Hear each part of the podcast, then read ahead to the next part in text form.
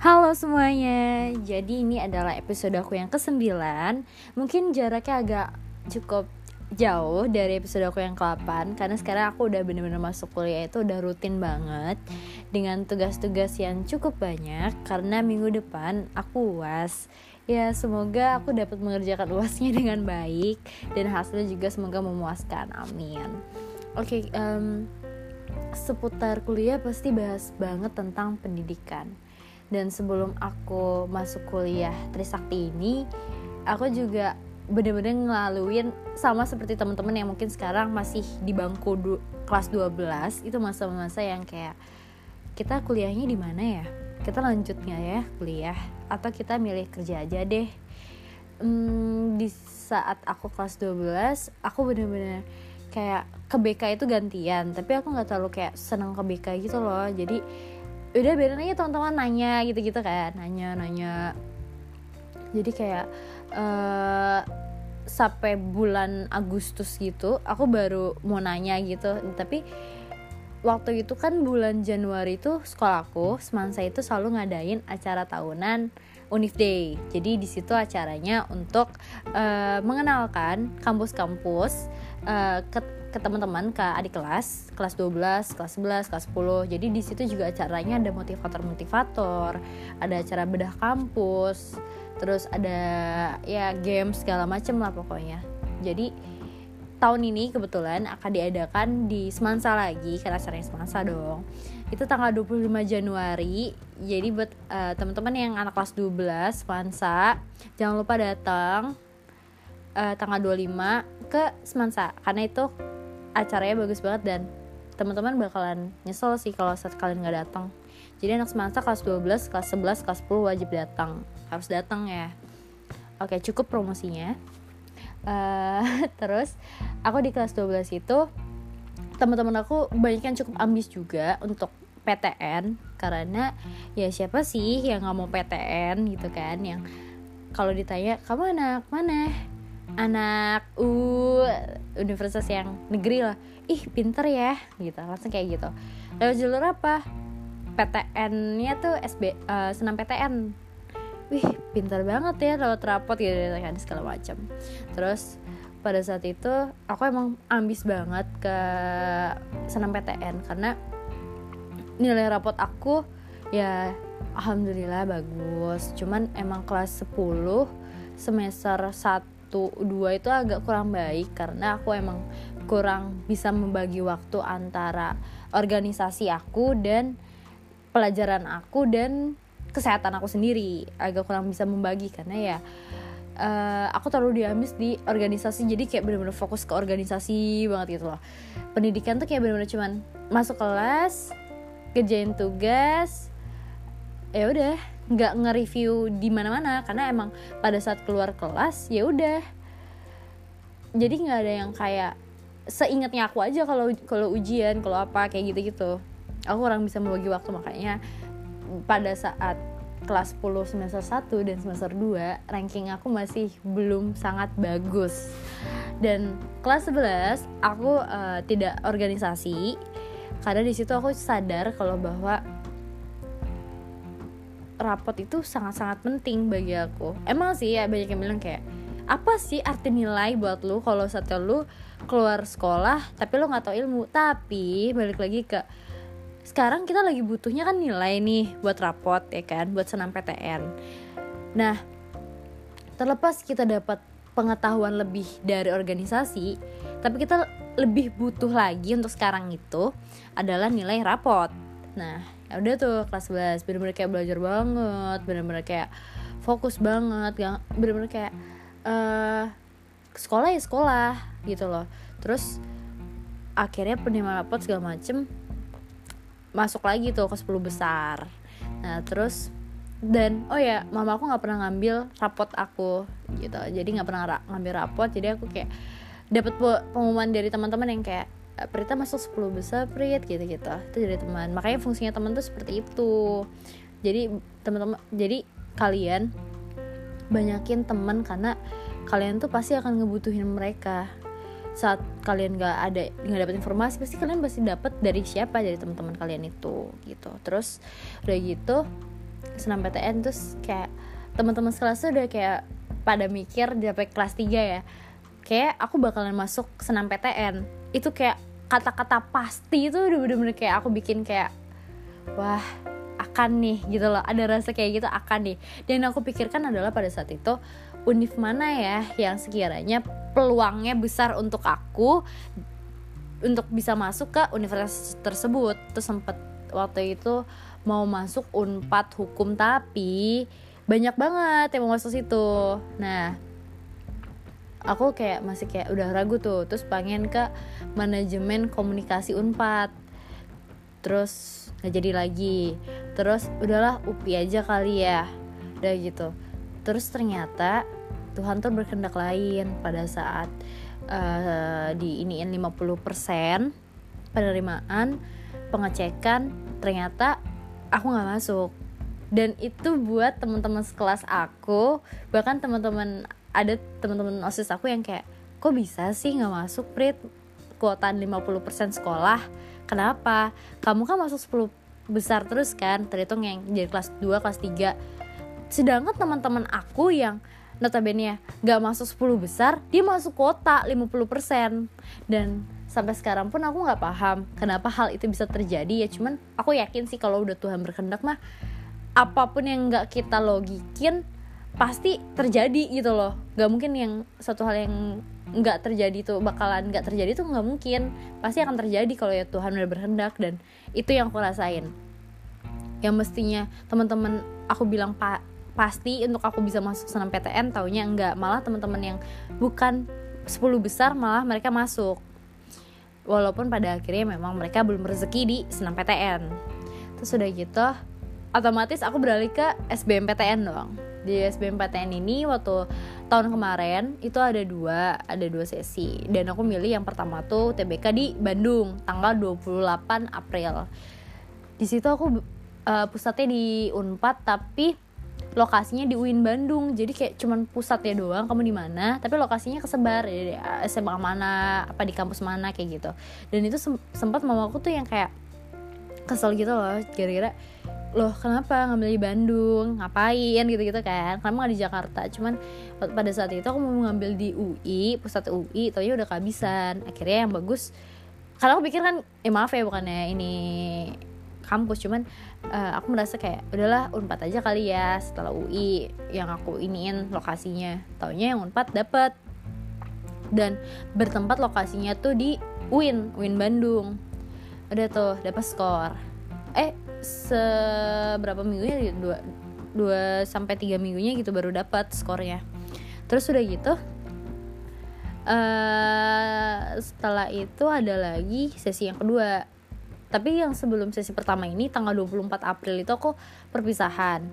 Terus tanggal 28 nya baru aku TBK dan UTBK pertama ini aku bener-bener kayak belajar banget itu kan getol banget aku juga bimbel juga pada saat itu. Jadi kayak dilatih terus treot-treotnya terus prediksi soal-soalnya seperti apa segala macam lah pokoknya kayak gitu. Terus um, basisnya komputer ya guys. Basisnya komputer udah basis komputer. Karena UN juga udah komputer sih. Terus di uh, sesi kedua aku ngambil tanggal 20 Mei 2019 di Jakarta dengan pusatnya itu di UNJ sorry. Pusatnya itu aku di UNJ benar. Pusatnya di, di UNJ Jak Jakarta. Universitas Negeri Jakarta. Tapi aku lokasi ujiannya tuh di UIN Jakarta. Pokoknya aku selama UTBK tuh dapetnya UIN UIN UIN terus. Gak tau kenapa. Terus uh, aku juga selama ujian tuh kayak aku masuk ke kampusnya terus kayak notabene kan mereka tuh pada pakai kerudung terus mereka kayak selalu pada ngeliat gitu. Itu agak aku agak cukup agak risih sih. Sorry ya kalau yang dengerin aku adalah mahasiswa atau mahasiswi dari UIN aku minta maaf. Tapi emang yang aku rasakan seperti itu ya. Nggak tahu sih kenapa tapi yang aku rasakan seperti itu. Terus aku dapet tuh skor. Udah gitu dibukalah nggak berapa lama setelah itu. Cukup kayak sampai selesai sesi kedua terakhir selesai.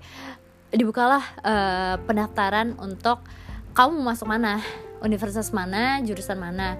Dikasih dua pilihan universitasnya uh, terus juga sama jurusannya.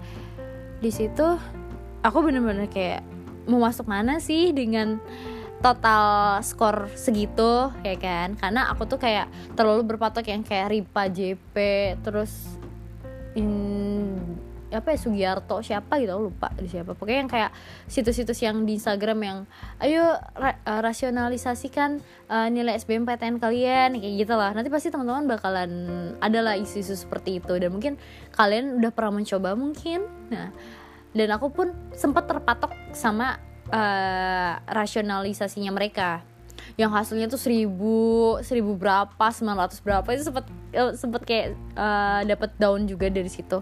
Karena setelah aku satukan nilai UTBK aku yang pertama kedua itu hasilnya 659 kayak jauh banget dari rasional mereka.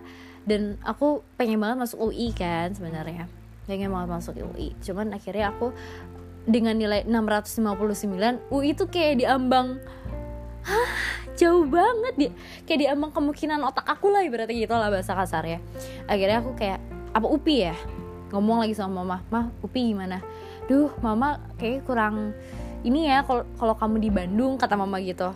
Kalau di Jakarta kan kamu udah biasa di Jakarta udah balik aja ke Jakarta kali ya. Karena kan aku kan emang pindah ke Jakarta karena papa kerja di Cirebon. Tapi karena ya udah tanggung gitu kan daripada pindah ke Jakarta lagi udah di Cirebon aja gitu. Akhirnya selesai sekolah Cirebon terus baru kuliah di Jakarta. Terus aku sempet kayak mah Bandung kali ya. Kamu Bandung sama siapa? kata bawa gitu. Mama keraguan aku di Bandung. Terus di Jogja aduh jauh banget nak kata bawa gitu. Terus akhirnya aku milih kayak Jakarta apa ya univ yang itu ya? Terus aku nanya nih ke bimbel aku karena bimbel aku tuh kayak bisa merasionalisasikan gitu lah senam PTN SBM terus dia bilang dia, dia tuh kayak udah lama nih aku aku nggak aku nggak akan jemput nama bimbel aku tapi mungkin kalau kalian penasaran kalian bisa cek di Instagram aku. Instagram aku Prita Kamalia 04 kalian buka bisa buka highlight aku yang myself. Di situ aku sempet bumerang apa foto gitu terus aku cantumin nama bimbel aku. Kalau kalian penasaran sih ya coba di podcast ini nggak aku nggak akan aku sebutin nama bimbel aku. Terus aku udah nanya nih dari beberapa hari yang lalu Miss ini uh, aku cocoknya dengan skor segini bisa masuknya ke mana ya? Oh kata dia Prita mau lokasi di mana? Di Jakarta deh Miss. Dia nunjukin UNJ dong. Nah UNJ itu kan kebanyakan pendidikan-pendidikan dan aku emang cita-citaku kalau nggak jadi do eh, jadi dosen. Kalau nggak jadi hakim ya jadi guru aku udah kayak ya udahlah kayak asik di kedua profesi ini. Terus dia memberikan saran kayak kamu pendidikan ekonomi setelah itu pendidikan akuntansi kata dia. Pokoknya ekonomi karena nilai uh, eh, UTBK aku tinggi di ekonomi. Tingginya ekonomi ketimbang sosiologi eh ketimbang geografi. Nah terus uh, akhirnya udah tuh uh, minta kan seperti itu. Nah terus dia baru ngasihnya tuh pas lagi hari mau ditutupnya si uh, penutupan. Karena aku tuh kayak selama dibukanya itu hampir kayak satu bulan sih kalau nggak salah. Dan aku tuh bener-bener kayak bingung banget mau ngapain ya masuk mana ya masih kayak gitu gitu gitu gitu. Dan pada saat yang sama mama aku juga masuk rumah sakit pada bulan itu terus. Jadi bener-bener kayak pikiran tuh bener-bener bener nggak fokus sama pendidikan aku. Jadi bener-bener nggak kepikiran sama sekali lah mau ngapain-ngapain dan tambah lagi dengan hasil skor cuma 659 ya mau masuk mana lu gitu kayak gitu. Terus aku nanya ke missnya miss ini uh, tutup jam berapa ya website ya dia bilang jam 12 malam. Dia bilang jam 12 malam terus ya udah tuh aku tenang aku pikiran tenang. Jam setengah sebelas udah tuh fix aku mutusin nih UNJ jurusan ini gitu. Buka website ya maaf pendaftaran ditutup. Tau gak sih perasaannya kayak gimana? Ancur banget. Di situ kerasa dua apa ya dari dari dua sesi itu aku bener-bener ngeluarin biaya yang cukup besar waktu yang banyak banget buat belajar segala macem gitu. Tahunya dengan hasil skor aku itu aku nggak mendaftar. Jadi jauh lebih baik kita udah mencoba mendaftar gitu. Ditolak daripada kita belum nyoba tapi udah tertolak dari awal. Kalian mau kalian mau berperang nih tapi peluru kalian tuh udah keburu abis jadi kalian udah kayak merasa udah udahlah kita mati. Udah mati di awal kayak kita nggak bisa ngebales mereka kayak gitu. Dan di situ aku kayak ah, orang yang pertama yang aku salahin adalah pertama aku uh, diri aku sendiri kenapa nunda? Ya karena aku kayak mau ngapain? Gitu. Dan pihak bimbel pun yang seharusnya menanyakan ngasih uh, solusi ngasih perhatian gimana segala macam ini enggak ini kayak mereka kayak bodoh amat gitu loh. Padahal mereka yang kayak dari awal tuh dengan kami kalian bakalan sukses dengan kami kalian solusi gitu segala macam lah promosinya. Makanya teman-teman tuh hati-hati kalau kalau ikut bimbel. Terus sudah kayak gitu uh, setelah itu mereka mereka atau dia ya misi ini yang yang aku uh, sedih banget. Pada saat aku down aku hubungin dia langsung miss kok ini ditutup? Kata miss jam 12 kayak gitu. Dia nggak aktif dong. Aku teleponin dia nggak angkat segala macam. Terus aku nangis seharian terus besok paginya dia baru gini. Eh Prita maaf baru miss baca. Iya ada perubahan jadwal. Katanya jam 10 udah ditutup segampang itu dia bilang seperti itu. Di situ aku benar-benar kayak sedih banget terus akhirnya beberapa hari kemudian dia bilang gini uh, Prita gimana jadinya? Terus aku nggak balas lagi karena di situ aku masih kayak sedih banget kecewa banget. Bener-bener gak ngerti lagi itu gimana gitu kan. Dan sampai sekarang mama aku pun gak tahu kalau aku gak mendaftar. Mama taunya uh, hanya aku tertolak alias nggak terima aja. Karena ya mama tahu sendiri kan emang pendaftarannya itu berapa orang bukan cuman 10 orang lah ibaratnya. Banyak banget karena di atas aku tiga tahun di atas aku ikut semua kan ikut juga gitu. Dan ma untuk mama mama kan pasti dengerin podcast aku ini. Aku minta maaf ya ma. Maaf Prita nggak bisa ngomong jujur sama mama. Kenapa? Karena Prita benar-benar takut karena Prita takut ngecewain mama banget oh, mau nangis. Karena mau pasti dengar podcast aku ini. Karena mau uh, selalu dengar podcast aku. Mama selalu ngasih saran juga di podcast aku. Kayak suaranya terus big segala macam lah mau ini. Jadi di sini juga Prita berharap dengan podcast ini juga sebagai sarana Prita minta maaf juga ke mama. Dan setelah itu aku punya kepikiran kayak pasti kuliah di Cirebon deh. Gitu loh. Kalau swasta aku bener-bener gak kepikiran swasta. Yang di luar kota nggak pernah kepikiran gitu. Terus pada akhirnya satu hari aku ditelepon sama pihak Trisakti terus kayak Berita kamu uh, mau daftar uh, gimana? Kapan daftar ulang? Seperti itu. Hah? Daftar ulang gimana? Ternyata sekolah yang mendaftarkan seperti itu. Jadi aku juga mau bilang terima kasih sama BK uh, eh, kalau kalian tuh bener-bener mencari orang yang bener-bener kayak ngebantu banget lah kalian tuh gitu loh. Walaupun kalian tuh gak seberapa lah gaji kalian ibaratnya tapi kalian tuh bener-bener bantuin kita tuh tulus banget. Dan kalau nggak ada BK mungkin I don't know aku harus kayak gimana sekarang. Tapi pada akhirnya Tuhan tuh emang bukan ngasih yang kita inginkan. Aku pengen kuliah di UI gitu loh tapi yang aku butuhin sekarang tuh bukan UI ternyata.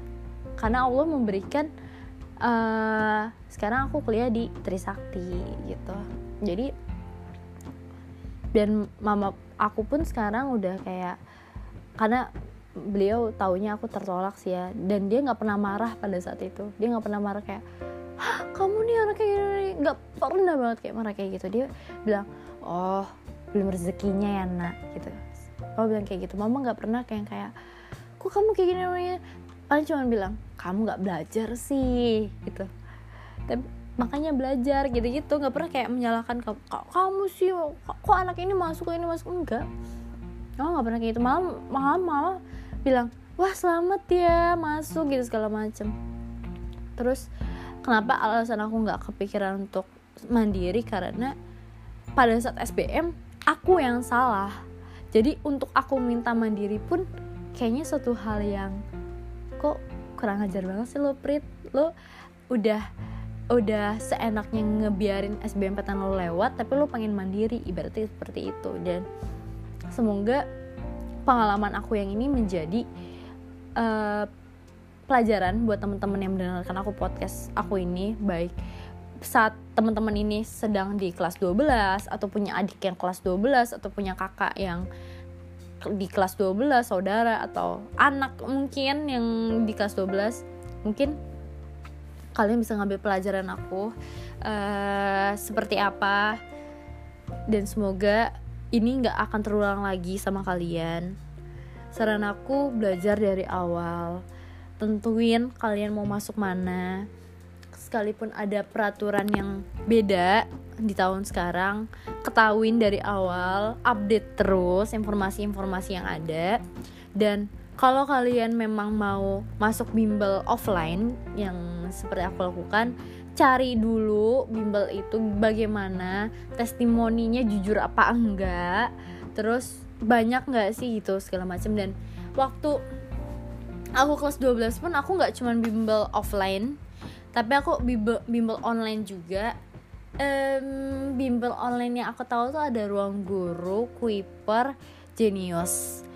Teman-teman aku bahkan cut cutting nih kakak kelas aku ngerekomendasiin banget itu adalah Genius pada saat itu. Genius banget. Tapi aku mengikutinya Kuiper. Karena ada salah satu guru dan dia juga teman mama aku ikut Kuiper. Terus ada juga pada saat itu ruang guru belum terlalu hit sih kalau menurut aku. Lebih ini Genius karena Genius tuh kayak bener-bener wow banget kan dia ini kakak kelas. Cuman aku pilihnya Kuiper. Kalau menurut aku pribadi untuk aku yang sering buka HP tapi agak jarang ngedengerin orang. Sebenarnya waktu awal-awal aku seneng banget sih dengerin orang kuiper gitu-gitu kan ngomong segala macam masih soal gitu seneng. Tapi lama kelamaan ada rasa jenuh. Jadi kalau buat temen-temen yang jenuh sebenarnya untuk um, mendengarkan orang-orang ngomong di HP gitu aku saranin untuk jangan pakai bimbel online seperti itu.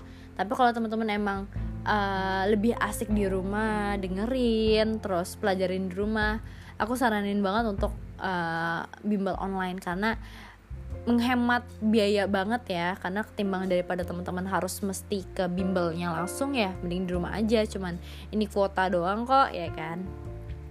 Dan semoga uh, di tahun 2020 ini apa pun yang kalian inginkan kalian mau masuk universitas mana pun semoga itu yang terbaik untuk kalian. Dan semoga kalian mendapatkan apa yang kalian butuhkan dan jangan pernah kayak merasa kok bisa sih aku nggak masuk sini? Kok bisa sih aku nggak keterima? Kok bisa sih aku keterima di sini? Karena semua itu udah ada yang ngatur. Dia itu di atas kalian. Kalian cuma bisa berdoa sama berusaha. Dan mungkin di next episode aku bakalan bahas tentang pakai instan karena aku juga sempat uh, daftar dan sempat juga mengikuti tesnya mungkin aku bakalan sharing juga di next episode. Dan sekian dari episode aku yang kali ini. Semoga teman-teman bisa ngambil pelajarannya dan semoga dapat bermanfaat buat teman-teman. Dadah